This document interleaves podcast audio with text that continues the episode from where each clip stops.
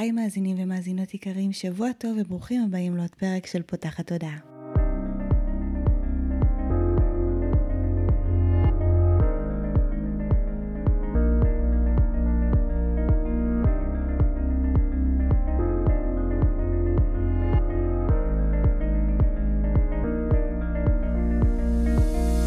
הפעם הראשונה שלכם כאן, פותחת הודעה היא תוכנית שנועדה להעביר רעיונות, לאתגר תפיסות קיימות, ולפתוח את צורת החשיבה האוטומטית שנהוגה אצל כולנו, לכל מיני כיוונים חדשים במטרה להכניס לחיים שלנו יותר כלילות, שלווה, זרימה, אהבה, קרבה וחופש, גם במערכת היחסים שלנו מול עצמנו, וגם במערכות יחסים נוספות. אני ניצן אלפסי, אני המנחה של הפודקאסט הזה ואני מאמנת תודעתית ומלווה תהליכי העצמה אישית בעזרת כלים מעולמות, תת המודע, האנרגיה והרוח. ובפודקאסט הזה אני גם מראיינת וגם מדברת בעצמי על כל מיני נושאים שהם מעניינים אותי, מסקרנים אותי, ואני חושבת שהם בעלי ערך וצריכים להגיע גם לאוזניים שלכם. הפרק של היום הוא פרק סולו, והוא פרק כנראה אולי הכי אישי ואינטימי שאני אקליט. אולי זו גם הסיבה שבגללה...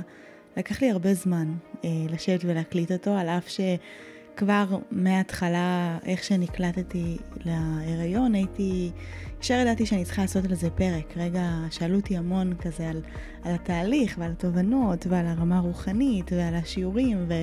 על מה עשיתי, וידעתי שהפודקאסט היא הדרך הכי קלה שלי לדבר את זה החוצה, אבל uh, בפועל ראיתי שאני דוחה את זה, ודוחה את זה, ודוחה את זה, ואז כבר הגעתי לשבועות מתקדמים, וכבר לא היה לי כל כך uh, את הסבלנות ואת המשאבים לעשות את זה. בינתיים כבר uh, קיפלנו את הקליניקה, סגרתי את העמדת הקלטות. Um, ואני עכשיו בכל זאת יושבת להקליט לכם בשבוע 39 uh, בחדר שעוד כמה ימים, שבועות, ייכנס אליו תינוק חדש, אלתרתי פה איזה עמדת הקלטה, ואני מודה שאני מקליטה את הפרק הזה בלי לדעת אם הוא בוודאות יצא לאוזניים שלכם. Uh, החלטתי שאני עושה אותו קודם כל uh, בשביל עצמי, כי התמלול של הדברים הם סוג של תרפיה גם עבורי.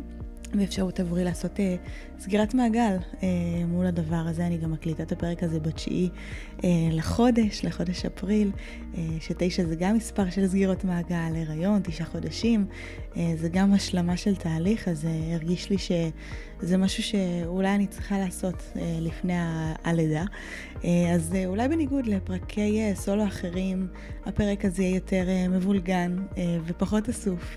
בהתחלה שניסיתי באמת לשבת להקליט אותו, ניסיתי רגע לשבת, כמו שאני תמיד עושה, לסדר, למדל, אה, ואז ראיתי שזה כאילו סוגר לי את היצירתיות, וזה נורא קשה לקחת אה, נושא שהוא כל כך אה, רגשי, עמוק. אינטימי ופתאום להכניס אותו לתבניות. אני בכל זאת אתן פה הרבה תובנות, זה לא יהיה פרק, אני אספר גם על מה עשיתי כמובן בצל הפרקטי, אבל כמו כל התנסות בחיי, אני מאמינה שגם התהליך הזה של הכניסה להיריון וההיריון עצמו, אה, הם כולם תהליכים שבעצם אה, הם רק סוג של אה, מטאפורה, משל, עוד פרספקטיבה, מסגרת, להתנסות בשיעורים שהם שיעורי חיי. אז אני מקווה שגם אם אתם גברים וגם אם אתם נשים שאפילו לא חושבות להיכנס להיריון בקרוב, תמצאו בפרק הזה ערך. ויאללה, בואו נתחיל. אז אני אתחיל מההתחלה ואני אגיד גם שאחד ה... אחת ההתנגדויות הפנימיות שהיו לי להקלטת הפרק הזה, זה שרק אחרי שנקלטתי, הבנתי כמה התהליך לא באמת היה כזה ארוך כמו שאני הרגשתי. זאת אומרת, אה, כששיתפנו על ההיריון, אז כזה גם אמרתי שחיכינו לזה ורצינו את זה הרבה זמן, אה, ואז אחר כך ששמעתי יותר אה, סיפורים על אנשים שלקח להם יותר זמן, שהם היו צריכים גם להשתמש בסוף בכל מיני התערבויות רפואיות חיצוניות, פתאום הרגשתי שאולי אין לי זכות לספר את הסיפור שלי. אתם מכירים את זה שכאילו הסיפור שלי הוא לא מספיק קשה בשביל שיהיה לו את המקום להישמע, כאילו מי אני שאני אקליט פרק על כניסה להיריון, שנכנסתי להיריון בצורה טבעית, וזה לקח פחות מהזמן הממוצע הסטנדרטי. אמ, וגם זה, זה איזושהי התנגדות שלקח לי זמן אה, כזה לפורר ולהגיד, אוקיי, גם אם זה יעזור אה, למישהי אחת, זה, זה לא משנה, העיקר שה, שזה יצא החוצה. אז אני אגיד שקודם כל בחוויה שלי זה לקח הרבה זמן, אני בן אדם עם מעט מאוד סבלנות, כמה שאנשים תופסים אותי כבן אדם מאוד רגוע, הסבלנות היא ממש לא הצד החזק שלי. ואני חושבת שגם כל אישה שמנסה להיכנס להיריון, היא יודעת שכל חודש שזה לא קורה, זה מרגיש כמו נצח. אז מבחינתי, קודם כל לקח זמן עד שבכלל... נפתחתי לרעיון הזה של אה, הורות, ואני רוצה להיכנס להיריון, אני רוצה להיות אימא, ואני מוכנה לזה. אה, עד השלב שהתחלתי לחשוב או, או לרצות, עד השלב שממש ניסינו אה, בצורה אקטיבית, כי אחד הדברים שאני תמיד צוחקת עליהם זה שכשאנחנו נערות, נורא מלחיצים אותנו, שמספיק נפספס גלולה וניכנס להיריון, ואז כשאת רוצה להיכנס להיריון, את מגלה שזה לא כזה פשוט, וזה לא, לא, לא קורה בכל רגע. חלק גם מהפרקים פה בפודקאסט היו קשורים גם לתהליך שאני עברתי, של היכרות עם הגוף והבנה של המערכת הנשית שלנו, וההבנה הזו שבתכלס יש ממש מעט ימים בחודש אה, שאנחנו יכולות להיקלט בהם, אה, ואיך זה עובד יחד עם, ה, עם הזרע ו, והתנאים שלו להישארות בגוף. יש על זה, אני מדברת על זה גם בפרק עם גאות גונן, אה, וגם בפרק עם רוני נייס, פרקים מרתקים שבאמת... זה אחד הדברים שאני אדבר עליהם גם בהמשך, על כמה בסוף, בדיעבד אני שמחה על כל המסע הזה שעשיתי, כי הוא יצר הרבה דברים נפלאים, והוא גרם לי לחקור הרבה דברים שהם חלק מאוד משמעותי מהחיים שלי היום, אבל לזה נגיע עוד מעט. ובאמת המקום הזה של הרצון אה, שזה יקרה, הרגיש לי כאילו זה לקח הרבה זמן. זאת אומרת, מבחינתי, אה, הזמן שעבר מהרגע שהבנתי שאני רוצה להיכנס להיריון עד הרגע שבפועל נכנסתי, היו, היו בתוכו תשעה חודשים. אנחנו נדבר על כל מיני תקופות בתוך התשעה חודשים האלה, שהם סוג של גם גלגולים שעברתי אל מול הדבר הזה, אבל בחוויה שלי זה באמת לקח לא מעט זמן. אה, אני אגיד, אה, גם אולי זה אולי זמן טוב, אנחנו כאילו כבר התחלתי קצת להיכנס לתוכן, אבל אה, שהפרק הזה גם יכול להוות איזשהו טריגר, אז אם אתם נשים שרוצות להיכנס להיריון, או הנושא הזה מעסיק אתכם, תהיו כזה בהקשבה לראות שבאמת אה, אה, מתאים לכם ו- ו- ונכון לכם להקשיב לפרק הזה היום.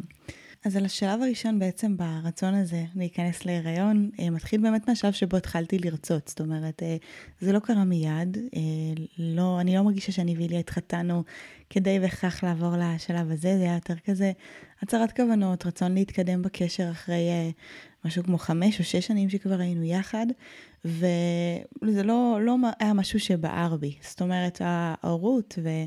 אולי זה ככה גם אה, משהו אה, להגיד, היא, כי זה רלוונטי לכל מה שאנחנו נדבר עליו תכף, היא נתפסה עבורי כמשהו אה, די מאיים. זאת אומרת, אני אוהבת להסביר את זה דרך רגע החיבור שלי לתת המודע ולעולם הזה. אני בקורס הראשון שעשיתי על תת מודע, שהסבירו איך תת מודע עובד ועל זה שה...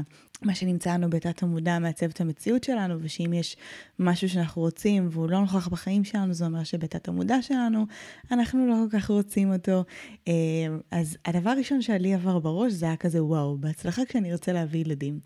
אה, כי ידעתי מההתחלה שיש לי איזשהו עניין עם הדבר הזה, יש לי הרבה אמונות uh, מקבילות, היו לי, הן עדיין נוכחות באיזשהו ווליום, גם על זה אנחנו נדבר, אבל באותה תקופה זה מבחינתי היה היעדר חופש, uh, אובדן uh, עצמאות. Uh, אני בן אדם שמאוד אוהב uh, לשלוט בזמן שלו, בלו"ז שלו, בחיים שלו, פתאום להתחשב בעוד יצור נוסף, על ה... שהוא יהיה כל עולמי ואני אצטרך לשים את הצרכים שלי בצד. Uh, זה היה משהו שמאוד מאוד הפחיד אותי, גם פחדתי מאוד מאיך זה ישפיע על העסק, על הזוג. זוגיות, על הכל. וידעתי מההתחלה, כאילו יש לי, הייתה לי מעין כזה ידיעה, אני חושבת שהרבה נשים יכולות להזדהות עם זה, שכשזה יגיע זה לא, לא יבוא בקלות. עכשיו, זו גם בסוף איזושהי אמונה מקבילה שידעתי שאני חייבת לשחרר, אבל זה כן היה משהו שקינן שם, של כאילו וואו, יש לי הרבה אמונות מקבילות על ילדים, יש לי הרבה פחדים שקשורים לזה, אה, זה משהו שמצריך טיפול. תודה לאלה שיש לי את הכלים, אבל אימא'לה, יש לי שם כאילו הרבה עבודת אה, ניקוי לעשות. אה, וזה רגע משהו ראשון, אם אתם נשים שרוצות אה, להיכנס אה, להיריון וזה לא כל כך צולח, לשאול רגע מה, מה הפחדים שיש לכם מהדבר הזה. זה יכול להיות מההורות, זה יכול להיות מהילדים, זה יכול להיות מאיך זה השפיע על הזוגיות, על המיניות, על אובדן החופש שלכם, על השינוי שלכם בקריירה. בסוף, אם הרטט של הפחד יותר גדול מהרטט של הרצון, הרטט של הפחד הוא זה שמשפיע. ולכן אני חושבת שהדבר הראשון שהתחיל בכלל לפתוח אותי לרעיון הזה של הורות, זה שהתחלתי באופן לא מודע אפילו. לחפש כל מיני מודלים לנשים שהן אה, אימהות שאני מעריכה, שהן אה, אה, גם אימהות מאוד נוכחות, אבל גם נשות קריירה. התחלתי להיחשף יותר לנשים שממש רואות בילדים שלהם ברכה, כאילו שאומרות, זה, זה קמע המזל שלי. כל ילד שמגיע הביא, איתו שפע, הביא איתו טוב, הביא איתו ברכה. אה, שלא הייתה קודם, אה, וכל מיני נשים שמדברות דווקא על זה שהם למדו יותר לייעל את הזמן שלהם, לעבוד בצורה יותר מסודרת. אה, הראש שלי התחיל לאסוף כל מיני מודלים בשביל להראות שהדבר הזה אפשרי, וזה גם ממש כלי שאני נותנת בעבודה על אמונות מגבילות, להתחיל לחפש מודלים של אנשים שכן חיים את, ה, את האמונה החדשה שאנחנו רוצים להטמיע. ואני ידעתי שאני רוצה להטמיע שהאימהות תביא לי ברכה ותביא לי שפע, ושהילד הזה יביא איתו שפע, ושאני אגלה אה, ניצן אה, חדשה, וטובה יותר, ורחבה יותר, ומדויקת יותר. וזה באמת הדברים שהתחלתי להקיף את התודעה שלי מסביבם, ולאט לאט עזרו לדבר הזה להיפתח.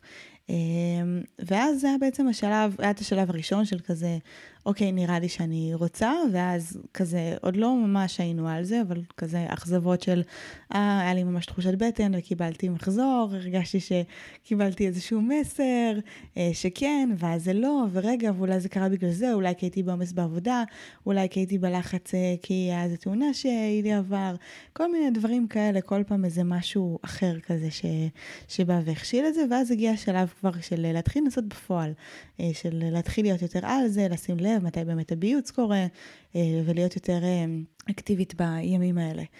וכאן המכשול השני, השיעור השני שהיה לי, היה באמת על המקום הזה שהוא הפך להיות הדגל של השנה הזו, המעבר בין האנרגיה הזכרית לנקבית. שזה בין המקום הזה שממש רואה עכשיו את הכניסה להיריון כאיזשהו מישן, איזושהי משימה, אה, לבין המקום שבאמת מרפא ומאפשר תהליך הזה לקרות. עכשיו, אין ספק ש, שיש צורך גם לפעמים באקטיביות, בסוף יש חלון הזדמנויות בחודש, ובחלון הזה דברים צריכים לקרות כדי שילד יגיע לעולם, אבל הגישה שאיתה הגעתי הייתה מאוד מאוד משימתית, והדבר הזה היה לי מאוד מציף ומאוד קשה. זאת אומרת, זה גם דרש ממני כאילו לעשות דברים כשלא בהכרח הייתי במוד, ברצון, באנרגיה ובאווירה, וזה נורא התנגש לי עם דברים אחרים שאני מלמדת על גבולות במיניות. אה, זה אמנם קצת שונה, כי אני יצא לי לדבר על זה בהקשרים של אה, סתם, אם אה, הצד השני רוצה ואנחנו לא, אז כמה חשוב לבוא ולהציב את הגבול, ושאם אנחנו לא אומרות שאנחנו לא רוצות, ואנחנו סוג של מכריחות את הגוף שלנו להיכנס לאקט כשאנחנו לא באמת מעוניינות, הגוף ממש יכול לחוות את זה סוג של... אמ, חדירה למרחב הפרטי, או הכרח, או דברים שאנחנו לא רוצות שיהיו בכלל בשדה המיני שלנו. ופתאום ראיתי כמה אני בסוף קצת עושה את זה, ואז נורא כעסתי, כי אמרתי, רגע, מה אני אמורה לעשות? מצד אחד, הילד הזה לא, לא הגיע מעצמו, אני, זה, זה, זה, זה, צריך לקרות פה משהו בשביל, בתדירות גבוהה כדי שזה יקרה. צריך לקיים יחסי מין בתדירות מספקת כדי שזה יקרה. מצד שני, מה אני עושה אם אני לא מצליחה לייצר את, ה, את האנרגיית הרצון, בסוף אה, החיים קורים ולא תמיד יש לך את הפניות והרצון לעשות את זה באותה תדירות. וזה היה לי מאוד מאוד מאתגר. הייתי ממש בקונפליקט, כי אמרתי, אני לא רוצה, אני מאוד מאמינה אה, בזה שבסוף האנרגיה שאנחנו זורעים באקט הזה מאוד משפיעה גם על העובר שנוצר אה, בסופו של דבר. וזה היה ממש אה, כזה קונפליקט, כי אמרתי, בואנה, אני גם לא רוצה ליצור חיים מתוך האנרגיה הזו של הלחץ והמשימתיות והאנרגיה הזכית הזו, ופשוט לא הצלחתי להרפות מזה. זה היה ממש אה, מאבק כזה פנימי, והרגשתי שאני לא יודעת מה... מה אני יכולה לעשות אחרת, ככה עברו אה, כמה חודשים, היה גם אה, חודש שממש הייתי כאילו בטוחה שנקלטתי, היה לי אפילו איזשהו דימום שחשבתי שהיה של ההשתרשות, בדיעבד גיליתי שהוא היה דימום של וסת. אה, וזה באמת כאילו שבר את, אה, שבר את ליבי, זה ממש פעם כזו ש, שזכורה לי. אה, כשהייתי בטוחה ופתאום כזה נהיה לי מלא פיפי וזה, ועשיתי את הבדיקת, אה, וסירבתי להאמין לסטיק, הסטיק כל פעם הראה שלילי, אמרתי לא, אני אלך לעשות גם בדיקת דם. ואז הבדיקת דם גם יצא, שזה שלילי להיריון, ואני זוכרת את עצמי בוכה באוטו מתחת לבית של חברה טובה. ו, ומתפרקת מאיך, איך, אני לא מאמינה שזה לא הצליח, ו, ומה אני אעשה, והנה, ותמיד גם הראש רץ לתרחישים קדימה. של רגע, מה, אולי זה לא יקרה בכלל, אה, אולי זה ייקח המון המון זמן, והייתי צריכה להתחיל קודם, ומלא מלא מלא רעש. אה, גם הסייקלים שלי היו מאוד אה, מרווחים, אחד מהשני, זאת אומרת, הם היו ארוכים, הווסתות שלי היו מרווחות, לפעמים זה גם היה מתקרב ל-40 יום, אז כל ניסיון כזה, בעצם יכלתי להיקלט להיריון רק פעם בחודש וחצי בערך, אז כל ניסיון כזה שלא צלח, או עכשיו נגיד פספסתי כי חשבתי שנקלטתי ובעצם זה היה מחזור, אז כבר פספסתי את הביוץ, עוד חודש וחצי עברו, אז כל דבר כזה תחשבו שזה מרגיש כמו אה, המון המון זמן. בתקופה הזו גם התחלתי אה, לתמוך אה, בגוף שלי אה, בכמה היבטים. אה, קודם כל התחלתי לעשות דיקור, שזה משהו שלא עשיתי בעבר, אה, קיבלתי על זה המלצות אה, באמת אה, מחברה. פשוט התחלתי ללכת דרך הקופה, לא משהו מיוחד, הייתה לי מדקרת מדהימה, אה, ובעצם אה, ככה אה, החלטתי שאני תומכת בגוף מהבחינה הזו, אבל הדבר השני זה שבאמת התחלתי להתאמן שלוש פעמים בשבוע, שזה מה שעשיתי לאורך כל ההיריון, ומאוד מאוד תמך בי, בגוף שלי, בהרגשה שלי, בתחושת ערך עצמי שלי גם בהמשך, אבל היה לי ממש חשוב לחזק את הגוף, וזה גם ממש מעניין לראות שהם... ספורט זה משהו שלא יצא לי להתמיד בו מאז שהייתי רוקדת uh, בחטיבה, בתיכון, הייתי רוקדת מגיל 3 עד גיל 18, uh, אה, בין 4 ל-5 פעמים בשבוע, זה היה חלק מאוד מרכזי בחיים שלי, ואחרי שבעצם המסגרת הזו הסתיימה, היה לי מאוד קשה להתמיד, ודווקא זה היה מעניין לראות איך הרצון הזה לחזק את הגוף לקראת ההיריון ובהיריון עצמו, כי ידעתי שאני בעצם צריכה להתאמן שלושה חודשים לפני שאני נקלטת, כדי שאני אוכל להמשיך להתאמן בשליש הראשון של ההיריון, זה היה איזשהו דרייב מאוד משמעותי בשבילי, אה, וזה גם איזושהי נקודה מעניינת להסתכל עליה, אה, על כל מיני דברים שיכולים לתמוך באמת בגוף אה, וברחם, ולפעמים דווקא הרצון להיכנס להיריון יהיה דרייב, לעשות כל מיני דברים שפעם לא הצלחתם. אני פעם הייתי מסתכלת על אנשים שמתאמנים שלוש פעמים בשבוע ואומרת, וואו, יש להם כוחות על, אני לא יודעת איך הם עושים את זה. בקושי פעם אחת היה לי כוח, וממש מצאתי את עצמי אוהבת את זה ומתרגלת לזה ומכניסה את זה בהתחלה בשביל לחזק את הגוף, ואז כבר באמת מתוך השגרה וה, וההנאה מזה. אז זה סתם איזושהי נקודה של באמת התמיכה הפיזית הזו בגוף. אמ, אז באמת רגע כזה משמעותי שהיה לי עם, ה... עם השבירה הזאת של הציפייה המאוד מאוד גדולה, זה היה הפעם שכאילו הכי הייתי בציפייה שזה יקרה, וזה גם תמיד כזה תחושה של רגע, מה, ואז מה, אני, אני מפתחת ציפיות, זה לאינטואיציה שלי בוגדת בי, מה קורה פה, איך זה, איך זה קורה ולמה זה קורה. אני זוכרת שיום אחרי שגילינו, אה, אני ואיליה נסענו אה, לים, אה, לחוף שקרוב אלינו בפלמחים, ומהבית קפה שהיה קרוב שם ליד, התנגנה איזושהי מנגינה בפסנתר. ומוזיקה היא חלק מאוד משמעותי בחיים שלי. היא מאוד מקושרת אצלי רגשית לתקופות, לתובנות, מקודדת בהרבה מאוד היבטים.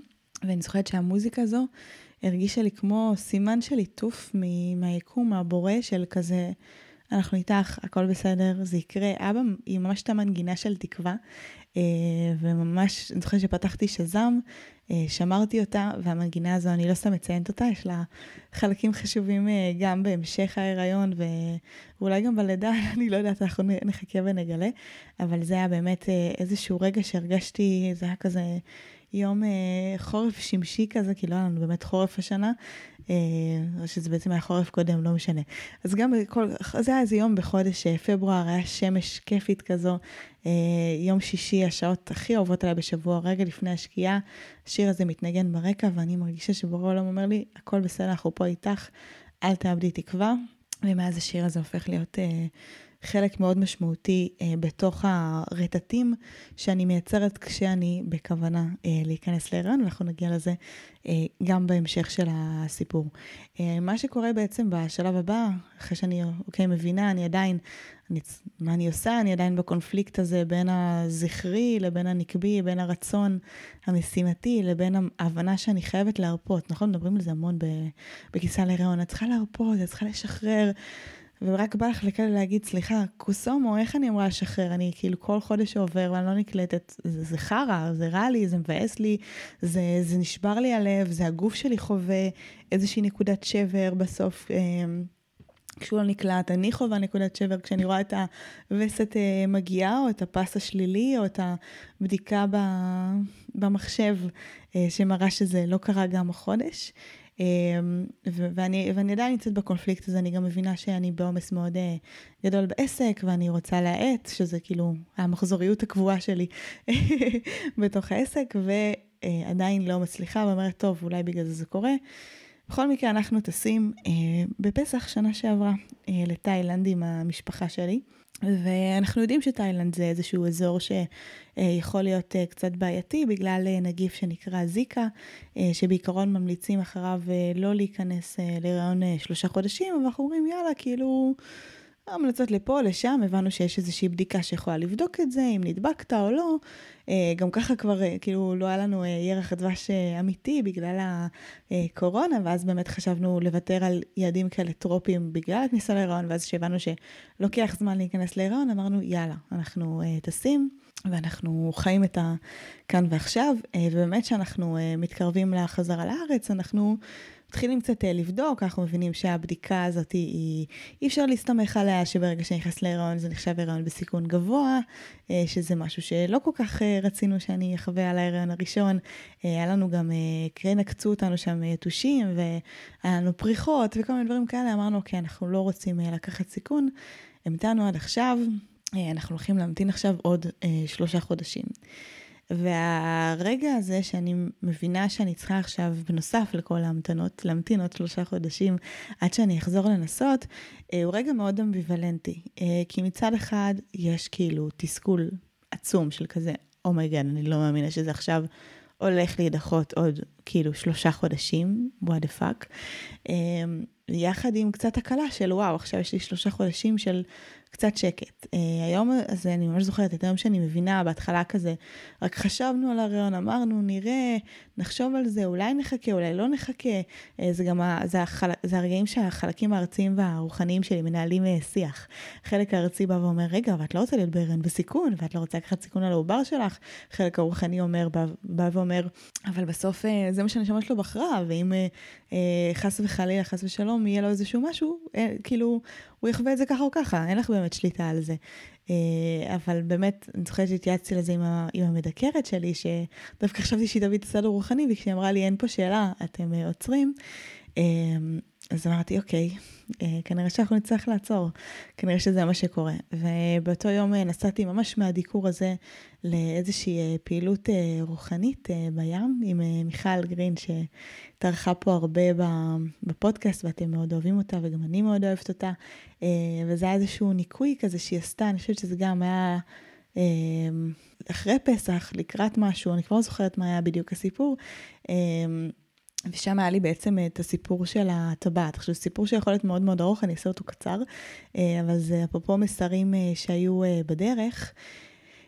ממש לפני זה פגשתי חברה שהתארסה, ואמרתי, איזה יפה הטבעת יהלום שלך וזה, ודיברנו על זה שכשאני עוד התארסתי, הייתי הולכת עם תכשיטים בצבע כסף, והייתי רוצה לעבור לזהב, אז היא זרקה לי כזה, לא נורא, עוד מעט שיהיה לך תינוק, אילי יקנה לך אה, טבעת אה, יהלום בזהב. ויום אחרי זה, כשהייתי אצל אה, מיכל באמת בפעילות בים, עשינו איזושהי מדיטציה, וממש כאילו הייתה דמות שהייתה אמורה להגיע, והדמות שעלתה לי זה אליהו הנביא. עכשיו, איליה, השם העברי שלו, המעוברת, אה, אנחנו לא משתמשים בו, אבל זה המשמעות שלו, זה באמת אה, אליהו. הוא הביא לי את הבת בדמיון המודרך, ואמר לי לחכות, ושהכול אה, יהיה בסדר. הדמות של אליהו הנביא. ובאמת פתחתי עיניים ואמרתי, אוקיי, סבבה, קיבלתי עוד אישור, אני ממתינה בסבלנות. ואז בעצם היה איזשהו סשן כזה שפשוט נשים שהביאו כל מיני חפצים שהם רצו לשח, לשחרר אה, ולהעביר הלאה, העבירו את זה למישהי, אני אה, נשארתי לשבת, לא היה לי איזשהו חפץ שהרגשתי צורך להעביר, ופתאום התיישבה מולי מישהי עם טבעת יהלום שאבא שלה נתן לה, ואמרה לי, תקשיבי, אה, היום ידעתי שאני הולכת להיפרד מהטבעת הזו, מרגיש לי שאת צריכה אותה. אה, והביא לי אותה, טבעת זהב עם יהלומים אמיתית, אה, שהתאימה כמו אה, כפפה לאצבע, כמו כפפה ליד. הטבעת ישבה לי בדיוק על האצבע שהיה לי חסרה בטבעת ורציתי למלא שם את החסר, ובעצם הטבעת הזו, זה היה מטורף, כי זה קרה בהפרש כל כך קטן, רק סיימנו הדיון המודרך, אחרי זה כבר קיבלתי טבעת במציאות, וקיבלתי מזה עוד איזשהו אישור שבאמת ההיריון מתקרב. ובעצם כאילו כמו סוג של אומרים לי, כשתלדי, אז תקבלי טבעת, ואז אליהו הנביא נתן לי טבעת, ואז קיבלתי טבעת במציאות. זה היה כמו סגירת מעגל ממש ממש חזקה, זה אחד הדברים ההזויים שהיו לי. אה, והטבעת הזו באמת אה, הלכה איתי אה, מאותו, מאותו יום על האצבע, והיא הייתה טבעת התזכורת שלי. ובעצם שם התחילו השלושה חודשים האלה שפשוט לא היה לי ברירה, אלא להרפות. כי אמרתי, טוב, זה כבר אה, לא, לא בחירה שלי. אה, אני עכשיו שלושה חודשים עוזבת את זה, ובהתחלה ההמתנה הזו הייתה נראית לי כמו הדבר הכי אה, גרוע שיכול לקרות, והיום בדיעבד אני יכולה להגיד שההמתנה הזאתי אה, הייתה מתנה מאוד מאוד גדולה. כי עצם זה ששלושה חודשים לא התעסקתי בזה, עזר לי מאוד אה, להרפות, אה, לשחרר, אה, לקבל את המציאות כפי שהיא, יחד עם כל החיזוקים והסימנים שקיבלתי, נתן לי גם ביטחון שהדבר הזה יקרה בזמן ובקצב שלו. אה, אני גם מזכירה לכם שאני בן אדם שאוהב אה, שליטה, סדר וביטחון, אז, אז גם אחד הדברים שהיו קשים לי בעסק זה כל פעם שהייתי צריכה אה, לתכנן קדימה, להגיד, אוקיי, אם עכשיו אני נכנסת להיריון, אז... מה זה אומר על התוכנית קדימה, מה זה אומר על זה, מתי אני אהיה בשליש הזה, מתי אני אוכל לעשות את זה, מתי אני ילד, מתי אני מפסיקה. היה לי נורא קשה לתכנן, והדבר הזה פשוט אמר לי כזה, טוב, שקט, את מתמקדת בכאן ועכשיו, את עושה את מה שטוב לך, את עושה את מה שנוח לך, אה, ומשם הדבר הזה בעצם אה, מתחיל. אה, ובתוך גם כל החודשים האלה, זה רגע השלמה גם קצת אחורה וגם קצת קדימה, השנה הזו יצרה, כל הרצון הזה להיכנס להיריון, יצרו גם בסוף תהליכים שרק... בדיעבד הבנתי אה, כמה הם תרמו לכניסה שלי להיריון. הראשון היה אה, ריטריט אה, שנקרא רחם ילדה אישה, שהעברתי אותו פעמיים. אה, שתי הפעמים היו לפני שאני נכנסתי להיריון. בפעם הראשונה זה היה כזה ממש אה, אינטואיטיבי כזה, ו... ועוד לא קלטתי שיצרתי את הריטריט הזה גם בשבילי. אה, בפעם השנייה זה היה ממש רגע לפני שטסנו לתאילנד, וזה היה עם המשפחה שלי, אה, והריטריט ממש הציף את כל ה... הכעסים וה, והמשקעים שיש לי uh, עם אימא שלי, uh, וגם אני עברתי שם תהליך מאוד מאוד מאוד משמעותי. Uh, והמדהים הוא שכשהחלטתי לעשות את הריטריט הזה, הוא גם, הוא ירד עליי ביום השוב, בכזה פשוט סוג של תקשור כזה בזמן שעשיתי uh, מדיטציה בסוף היוגה. פשוט עלה לי ריטריט, נשים, מדבר. והכותרת הייתה רחם ילדה אישה, אה, ריפוי של החוויות שלנו כתינוקות ברחם והתהליך יציאה שלנו לעולם שהוא מאוד מאוד אה, משמעותי. עבודה על הילדה הפנימית ש... שהיינו, אה, ועבודה מול אימא שלנו, הדמות הנשית בחיים שלנו והאנרגיה הנקבית. ובאמת המרחבים הנשיים האלה גם אפשרו לי להביא הרבה רכות לתוך המרחב הזה, גם לשתף אה, ולספר בקול רם שאני רוצה להיכנס להיריון וזה עדיין לא מצליח, ולבקש אה, מנשים נוספות להחזיק איתי מרחב אה, של אמונה שהדבר הזה יקרה, ולשלוח גם על החלום הזה אור. דיברנו נורא על בריאה ועל זה שהרחם שלנו בסוף בורא חיים, וכמה אנחנו יכולות לברוא דברים, ודיברנו על חלומות בריטריט הזה, וכזה החזקנו ממש מרחב משותף כל אחת לחלום שלה, ובאמת ה...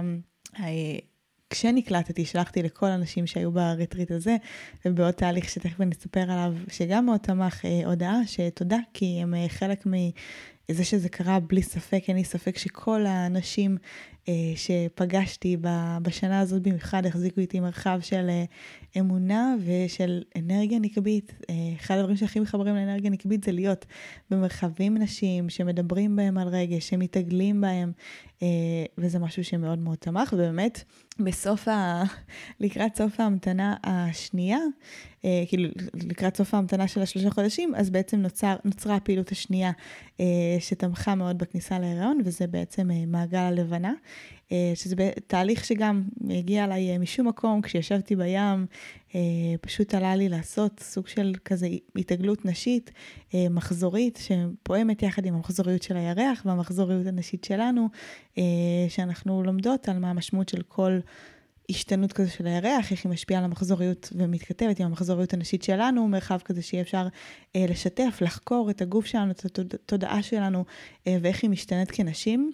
אה, שזה גם אחד הדברים שקרו לי בעקבות הרצון להיכנס להיריון, שפתאום אמרתי, אוקיי, יש פה סייקל, אני רוצה להכיר אותו, אני רוצה להבין איך זה פועם, איך זה עובד, אה, ממה זה מושפע, ושם באמת אה, נולד כל הדבר הזה והתחבר. והדבר המדהים מאוד מאוד שקרה, זה שבעצם המחזור הראשון של, של מעגל הלבנה, הוא יצא בסנכרון אה, מושלם עם הווסת הראשונה שבה בעצם יכלתי להיקלט שוב. אה, בסוף לא אני בחרתי את המועד של אה, פתיחת המחזור, זה ה... הירח, בסוף יש ממש אפליקציות שאפשר לראות מתי מולד הירח, הירח המלא. לכל אחת מהתנועות, אז פשוט המפגש הראשון היה במולד הירח, והמפגש הראשון, שהמחזור הראשון היה בעצם הווסת הראשונה, אה, שיכלתי להיקלט אה, שוב להיריון, וממש גם שיתפתי אותם, אה, שהנה, הווסת שלי זורמת יחד עם מחזוריות הירח, ו... זה, זה, כאילו, זה מה שאנחנו הולכות uh, לחקור עכשיו, אני הולכת לחקור את זה בהקשר של uh, ההיריון, אבל כל אחת חקרה את זה, באמת היו נשים בכל מיני גילאים, חלקם כבר אימהות, זה לא היה uh, כזה תהליך של כניסה להיריון בהגדרה, אבל uh, מה שבעצם קרה זה שבמחזור הזה אני נקלטתי, זאת אומרת, התדר והאנרגיה המשותפת שלנו, בנוסף לכל התהליכים שעשיתי קודם, הם ממש יצרו את הדבר הזה, ובאמת uh, בתוך.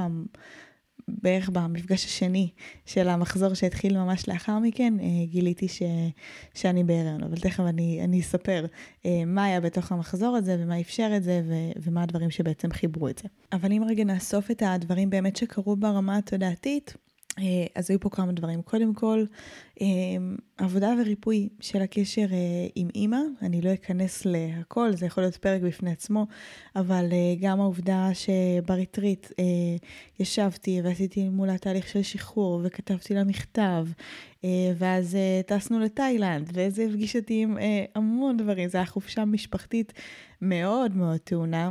שהציפה הרבה מאוד משקעים, והדבר הזה גם היה חלק חשוב בריפוי המשפחתי אה, שאני הייתי צריכה אה, לעבור אה, בתוך המסגרת הביתית שלי, הרבה תהליכים של לדבר עם ההורים שלי ולשתף אותם ולשקף להם את הדברים, אז אם יש לכם קושי להיכנס ולהיקלט להיריון, אז ממש ממליצה לעשות עבודה אה, על המערכת יחסים עם ההורים שלכם, לשים לב אם יש שם איזשהם משקעים, איזשהו משהו תקוע, יש לנו גם פרק סולו שמדבר על המערכת יחסים עם ההורים שלנו, זו מערכת יחסים מאוד מורכבת, שהעבודה עליה אגב מתמידית, גם בהיריון, שלא תחשבו, השיעור הזה פוגש אותי בספירלה בעוד אה, מקומות, אבל ברגע שאנחנו באמת... אה, ערות לזה ועושות עם זה עבודה, זה משהו שמאוד מאוד עוזר. היה לנו באמת את העבודה של החיבור לאנרגיה הנקבית, שעבורי מה שהכי הכי עבד אה, זה באמת המרחבים הנשיים האלה, אה, גם מעגל לבנה, גם הריטריטים, היכולת הזו להיות ליד נשים, להיות במקום שרגע מאטים את הקצב, שיוצרים את החיי יום-יום, את המטרות, את ההישגים. אה, זה תהליכים שהם פחות תהליכים של למידה אקטיבית, כמו שהייתי מעבירה לפני זה, אלא תהליכים שהם יותר חוויה. אני זוכרת שממש אחת הבוגרות שלי מתהליכים, משני תהליכים אחרים, שאלה אותי, רגע, אבל כאילו, מה לומדים ברטריט? ואז אמרתי, לא לומדים, חווים, הווים. אה, וגם לי, כיוצרת, זה משהו שהייתי צריכה לעבור, המקום הזה של, אה, זה לא עכשיו משימות, זה לא עכשיו איזה ידע הן לומדות, זה מה הן באות לחוות. אה, וברגע שאני עברתי גם התודעה הזאת של לייצר למידה, לייצר חוויה כיוצרת, זה עוד משהו שתרם לתדר הנקבי הזה. אה, החיבור למחזוריות הנשית ולמחזוריות הירח זה גם משהו שמאוד מאוד תרם.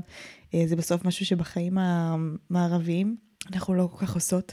אנחנו מתרחקות מעצמנו ומהטבע, והמחקר הזה של הסייקל אה, מאוד מאוד עזר לי, דווקא כשהוא לא הגיע מתוך מקום של, של הריון. זאת אומרת, לא רק מהלחץ הזה של להבין מתי הביוץ, אלא רגע להבין את התנועות האלה שקורות בתוכי.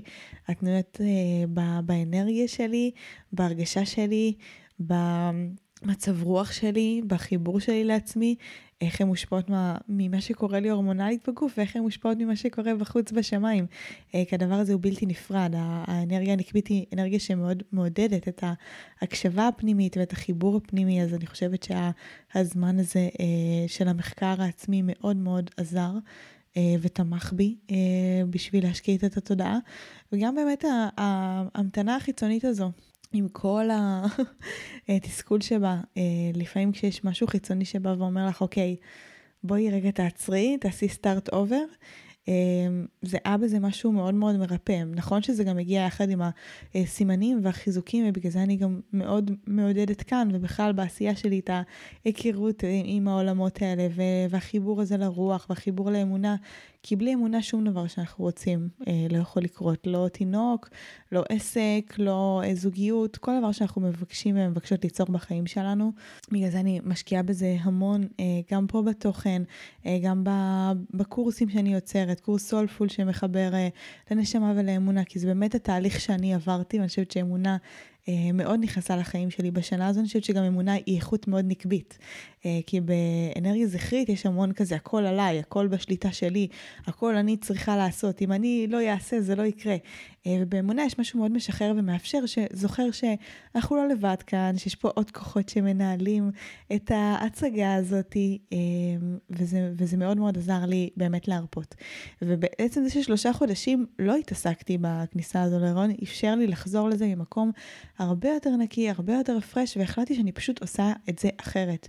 שאני שואלת איך הדבר הזה יכול להיות עבורי נעים, איך הדבר הזה יכול להיות עבורי יותר קל, איך אני יכולה לדאוג אנרגטית שמסביבי זה יהיה יותר, אה, אה, לא יודעת, אה, רך ונעים, בין אם זה על ידי שימוש בנרות, במוזיקה, ב- בלהוריד את ההילוך בשבועות האלה, שאני יודעת שאני יותר באנרגיה שמתמקדת פנימה, כדי להשאיר לעצמי באמת את, ה- את האנרגיה הזו, לחוות את uh, מעשה אהבה ולעשות את זה כמו שבאמת הייתי רוצה לעשות.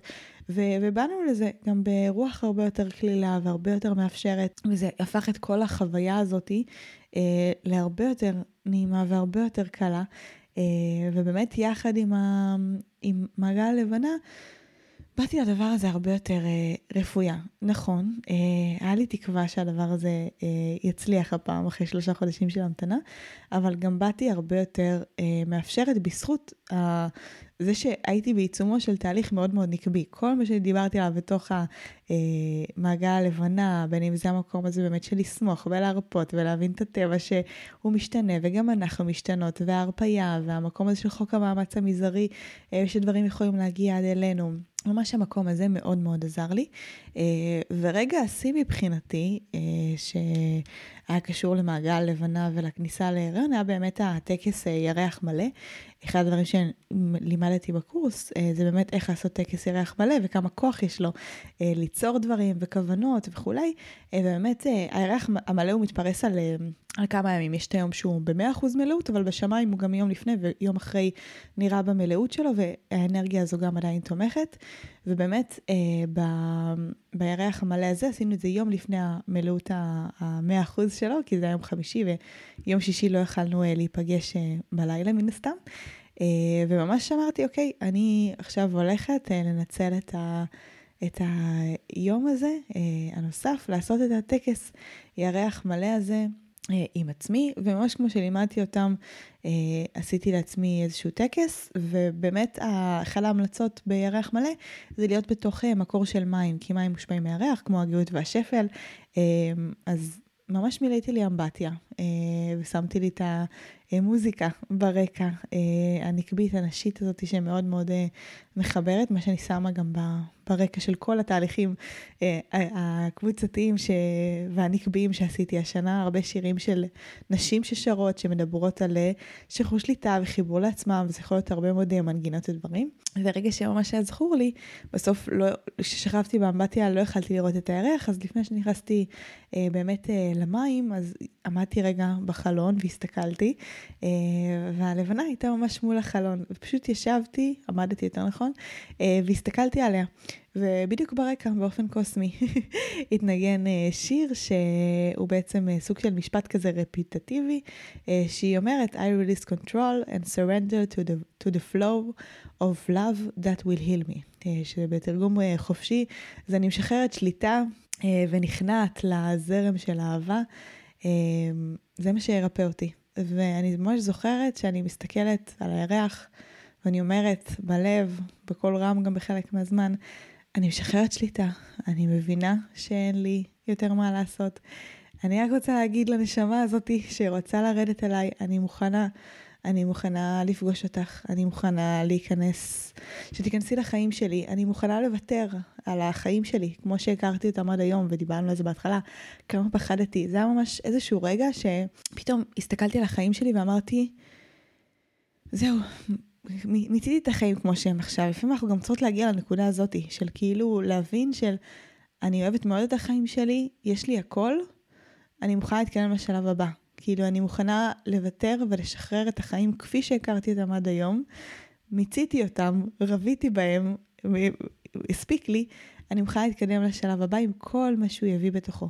אני חושבת שבהסכמה הזו היה משהו מאוד מאוד חזק. הרגע הזה שבאתי ואמרתי, אוקיי, עם כל הטוב שיש לי בחיים, אני מוכנה לוותר על הכל בשביל אה, להתקדם לשלב הזה.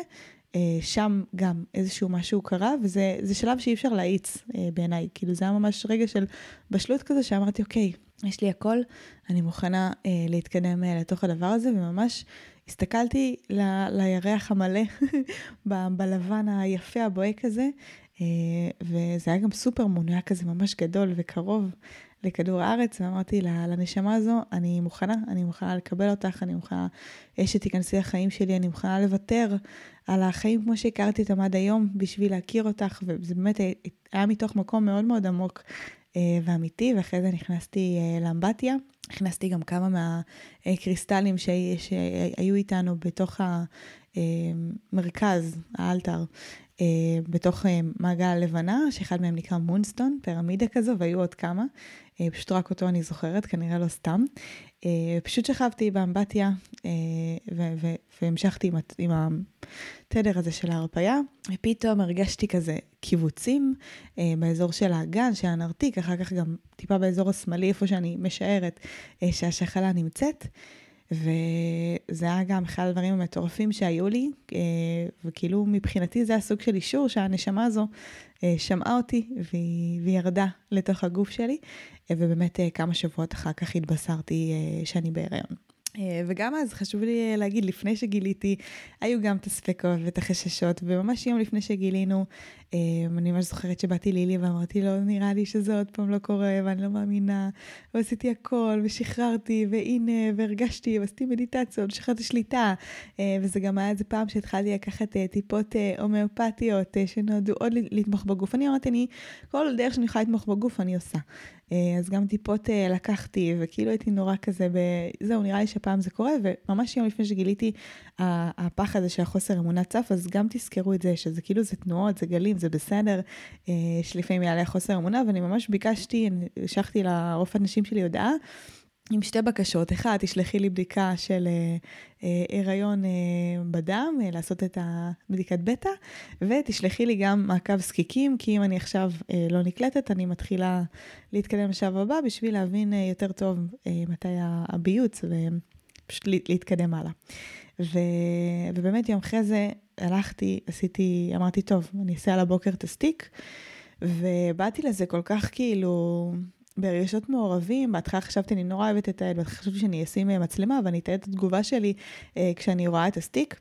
ובגלל שנורא פחדתי שיהיה עוד פעם פס אחד, והסרטון הזה יהיה תיעוד אה, צורם לעוד אכזבה, אז לא צילמתי. אה, ובאמת היו שני פסים. השני היה מאוד חלש, הייתי עוד בהלם כזה, רגע, זה נחשב, זה לא נחשב. לא, לא ידעתי ככה איך, איך להתייחס לזה, ואחר כך באמת עשינו את הבדיקת דם וראינו שהכל בסדר. ומי שחשב שבעצם בכניסה להיריון זה זהו, זה היה, כל פעם אנחנו חושבות שזה השלב הבא, נכון? זה כזה, אוקיי, נכנסתי להיריון יופי, ואז מתחיל הפחדים של הבדיקות והשליש הראשון, ולראות שהכל תקין, וחס וחלילה שלא תהיה איזושהי הפלה. אה, ואז אה, הילדה מתקרבת, ועכשיו זה גם אה, רגע כזה מפחיד, כל פעם, ואז בעצם החיים האמיתיים מתחילים, כאילו החיים רק מתחילים, וכל התהליך הזה רק מתחיל כשהוא כבר בחוץ, כשנראה לנו שכל העניין הזה בכלל היה ההיריון. אז באמת גם בהתחלה היה לי לא פשוט רגעים של אמונה מאוד מאוד חזקה אל מול רגעים שפתאום חרדות ופחדים שבאמת שנים לא פגשתי את החלקים האלה בתודעה שלי, ממש צפו ועלו מעל פני השטח, אה, וזו הייתה גם הרבה תמיכה אה, מצד איליה. רגע, לחזור להאמין, אה, להתפקס, להתמקד, גם להזכיר לעצמי שכאילו הכל טוב, הנה, מורה עולם הראה לי שאני יכולה להיות בהיריון גם אם חס וחלילה משהו יקרה, יש לי את הזיכרון הזה שהגוף שלי יודע להיות בהיריון, הוא יודע להיקלט, זה גם משהו שמאוד מאוד תמך בי לאורך החודשים האלה. כן סיפרנו יחסית משלבים מוקדמים. היה לי מאוד קשה להסתיר את זה בפנים, הרגשתי שכל אני בהסתרה, אני בסוג של התנגדות או התכחשות. אה, גם בתוך זה היה לי ממש אה, גלים, כאילו רגע של קושי ממש פיזי, והמקום הזה של יואו, איזה קשה זה, אל מול כזה שקט, קיבלת את מה שרצית, כאילו שלא תעזי להתלונן, שלא ייקחו לך את זה. אה, עוברים הרבה גלים. מתוך ההיריון, אני חושבת שגם לקח לי הרבה מאוד זמן לקחת עליו בעלות. דווקא מתוך המקום הזה של, כמו שאמרתי בהתחלה, כבר כל כך, כל כך הרבה שנים האמנתי שיהיה לי קשה להיכנס להיריון, שיש לי יותר מדי אמונות מגבילות, אה, שאולי יגלו אצלי איזושהי בעיה גופנית. ממש הסתובבתי עם התודעה הזו, וגם כבר התחלתי להרגיש שאני מזוהה רגשית עם, עם אישה, שקש, כאילו כאישה, שקשה לה להיכנס אה, להיריון, לא בהכרח כלפי חוץ, כלפי אנשים, אלא כאילו בחוויה שלי את עצמי ואת הסיפור שלי, ולקח לי זמן לאבד ש... לא, זהו, אני, אני בהיריון, כאילו, זה, זה, זה קרה לי, זה שלי. Uh, ואז גם היו כמובן את הקונפליקטים של אולי uh, הוא מרגיש uh, שאני לא מחוברת אליו, שלא לקחתי אליו בעלות, שאני לא אוהבת אותו, זה עשה לי המון, uh, הרבה גלים רגשיים uh, עברו בתוך הדבר הזה. Uh, ואני חושבת שההשלמה של הדברים, uh, זה אני אגיד כבר למי שבהיריון אולי, וזה יהיה לה, או תזכור את זה כשהיא תיכנס uh, להיריון בעזרת השם. זה כמה דברים. קודם כל, אה, סגירת מעגל מטורפת שהייתה לי עם הטבעת, זוכרים את הטבעת מתחילת הפרק? אה, אז האקדח שמופיע במערכה הראשונה אה, יורה בהמשך, סתם. אז באמת, אחד הדברים ש, שהיו זה שבשליש השני שלי, סביב חודש חמישי או שישי, היה לי ריטריט של חיבור לנשמה. ובעצם אחד הסשנים שעשינו שם זה כל אחת הביאה איזשהו אה, חפץ, אה, היא לא גילתה מה החפץ שלה, שמה את זה במרכז, אה, וכל אחת הוציאה, שלפה חפץ ואמרה מי צריכה לקבל את החפץ הזה, והעבירה איתו איזשהו מסר. בסוף כולם החזירו את החפצים שלהם אחת לשנייה, אבל החפצים עזרו להיות סוג של ערוץ כזה למסרים ממש חזקים. ופתאום תוך כדי המעגל אני קולטת שכאילו לא שמתי שום דבר בפנים, ויש סיכוי שמישהי תבחר בי. ואז החלטתי ביני לבין עצמי, שאם... מי שתבחר בי, אז מה שאני אעביר בעצם יהיה הטבעת. אה, ידעתי גם למי בדיוק אני רוצה אה, להעביר אותה. אה, וזהו, ובאמת כמה דקות אחר כך, אחת הנשים נתנה לי איזשהו משהו ממרכז המעגל והגיע תורי. והבאתי את הטבעת הזו למישהי שהיא גם בוגרת שלי מתהליכים אחרים, ואמרתי לה שהטבעת הזו היא בעצם הייתה סימן עבורי של תקווה של אני אכנס להיריון, אז אני מעבירה לה מסר דרך הטבעת. שגם לה זה יקרה ושהיא לא צריכה לחשוש, והיא מאוד מאוד התרגשה, ובאמת היה רגע מאוד מאוד מרגש. ותוך כדי שאני יושבת ככה במעגל, מתחיל לנקר בי איזשהו קול של אולי אני צריכה להעביר לה את הטבעת. עכשיו, זה, זה בסוף גם כשקיבלתי את הטבעת הזו מאוד התרגשתי, אמרתי, וואי, מעניין אם כאילו תישאר איתי תמיד, אני מתישהו ארגיש צורך להעביר אותה, איך אני אדע, זה גם דבר גדול, זה גם לא טבעת שהיא שלי בכלל, למי זה לא מוזר להעביר הלאה טבעת אה, זהב עם יהלומים אה, למישהי אחרת. וממש היה לי תחושה כזאת בגוף, מאבק כזה בין הראש לבין האנרגיה של כזה, את צריכה לתת את הטבעת במתנה. ואז אני כזה, אבל אני אוהבת את הטבעת הזו, ורגע, ומי אמר שהיא סיימה את התפקיד שלה? אני עוד לא ילדתי. זה עוד השלב, עוד פעם, הפחד הזה להבין שזהו, אני בהיריון, זה שלי, כאילו, תרפי. וככה זה היה איזשהו מאבק אה, כוחות כזה, ו... ואמרתי, טוב, אני, אני אשתף אותה, אה, שיש לי את ההתלבטות הזו, שאני אגיד לה כזה שתהיה עם זה בינתיים, ובסוף הריטריט כזה נחליט, אם אני משאירה את הטבעת או לוקחת אותה בחזרה.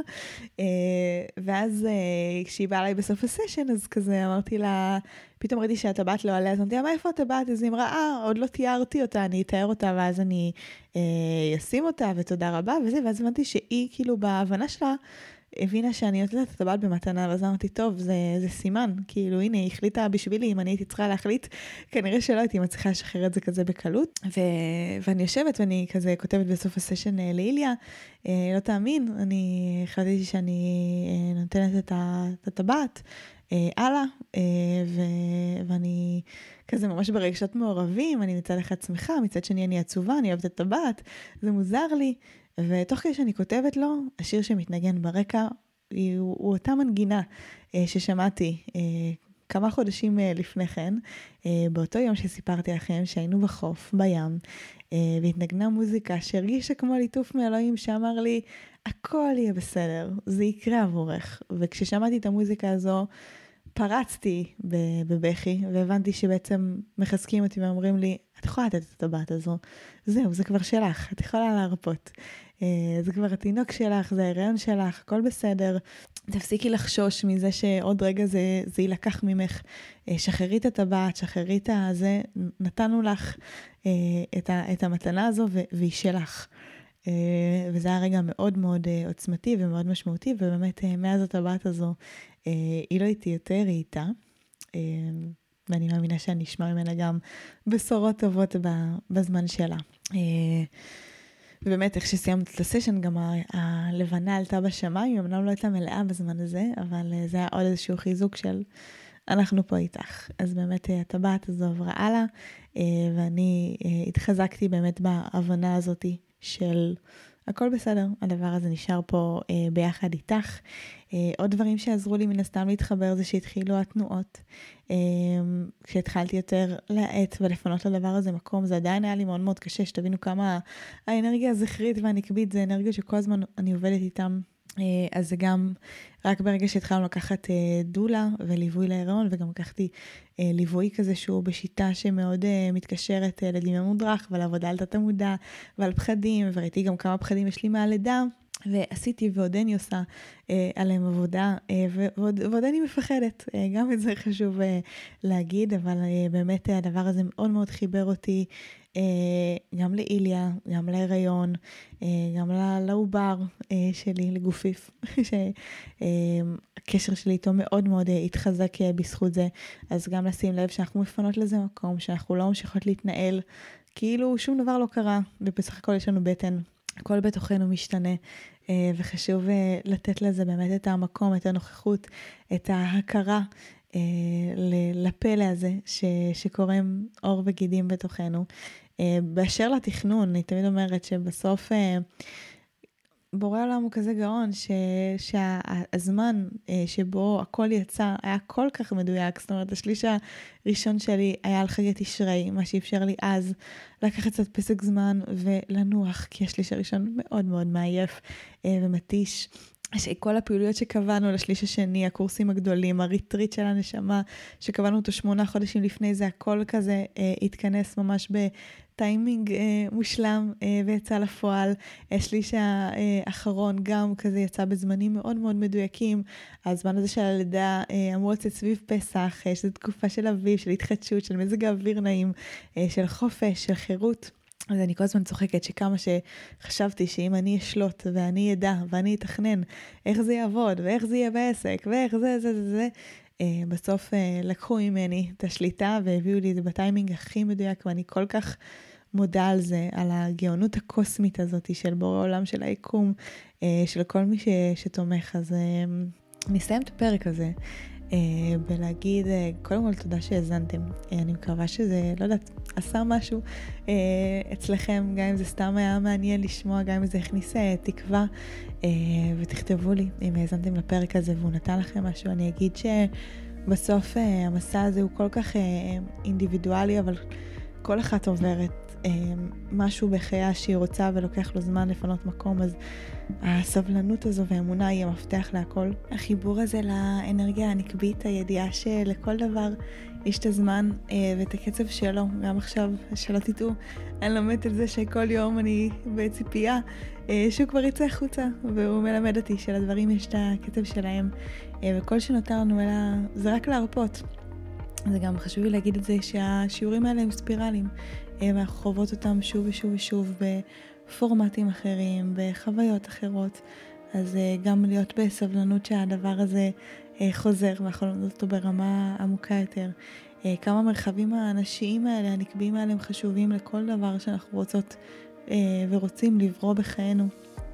גם גברים שהאזינו לפרק הזה, אני מאוד מעריכה אתכם, ואני אגיד שחיבור לאנרגיה נקבית לא חייב להגיע רק מתוך אה, מרחבים נשיים, זה פשוט הרטט שם יותר חזק, זה ממש להתחבר אה, לכל מה שהוא איטי יותר, קשוב יותר, אינטואיטיבי יותר, מרפא ו- ומקבל, יש לנו כל מיני פרקים בפודקאסט שעוסקים בנושא הזה שיכולים להתאים גם לגברים וגם לנשים, ובאמת בעיקר לזכור שלכל דבר יש את העט שלו ואת הקצב שלו, ושכמה שאנחנו חושבים שאנחנו יודעים הכי טוב ולתכנן ומתי הדברים צריכים להגיע, הדברים בדיעבד תמיד קורים בזמן הכי מדויק, שלא משנה כמה היינו מתכננים ועושים, אה, זה לא היה יכול לצאת כזה מדויק, כי זה הקסם של היקום המופלא הזה שאנחנו חיים בתוכו.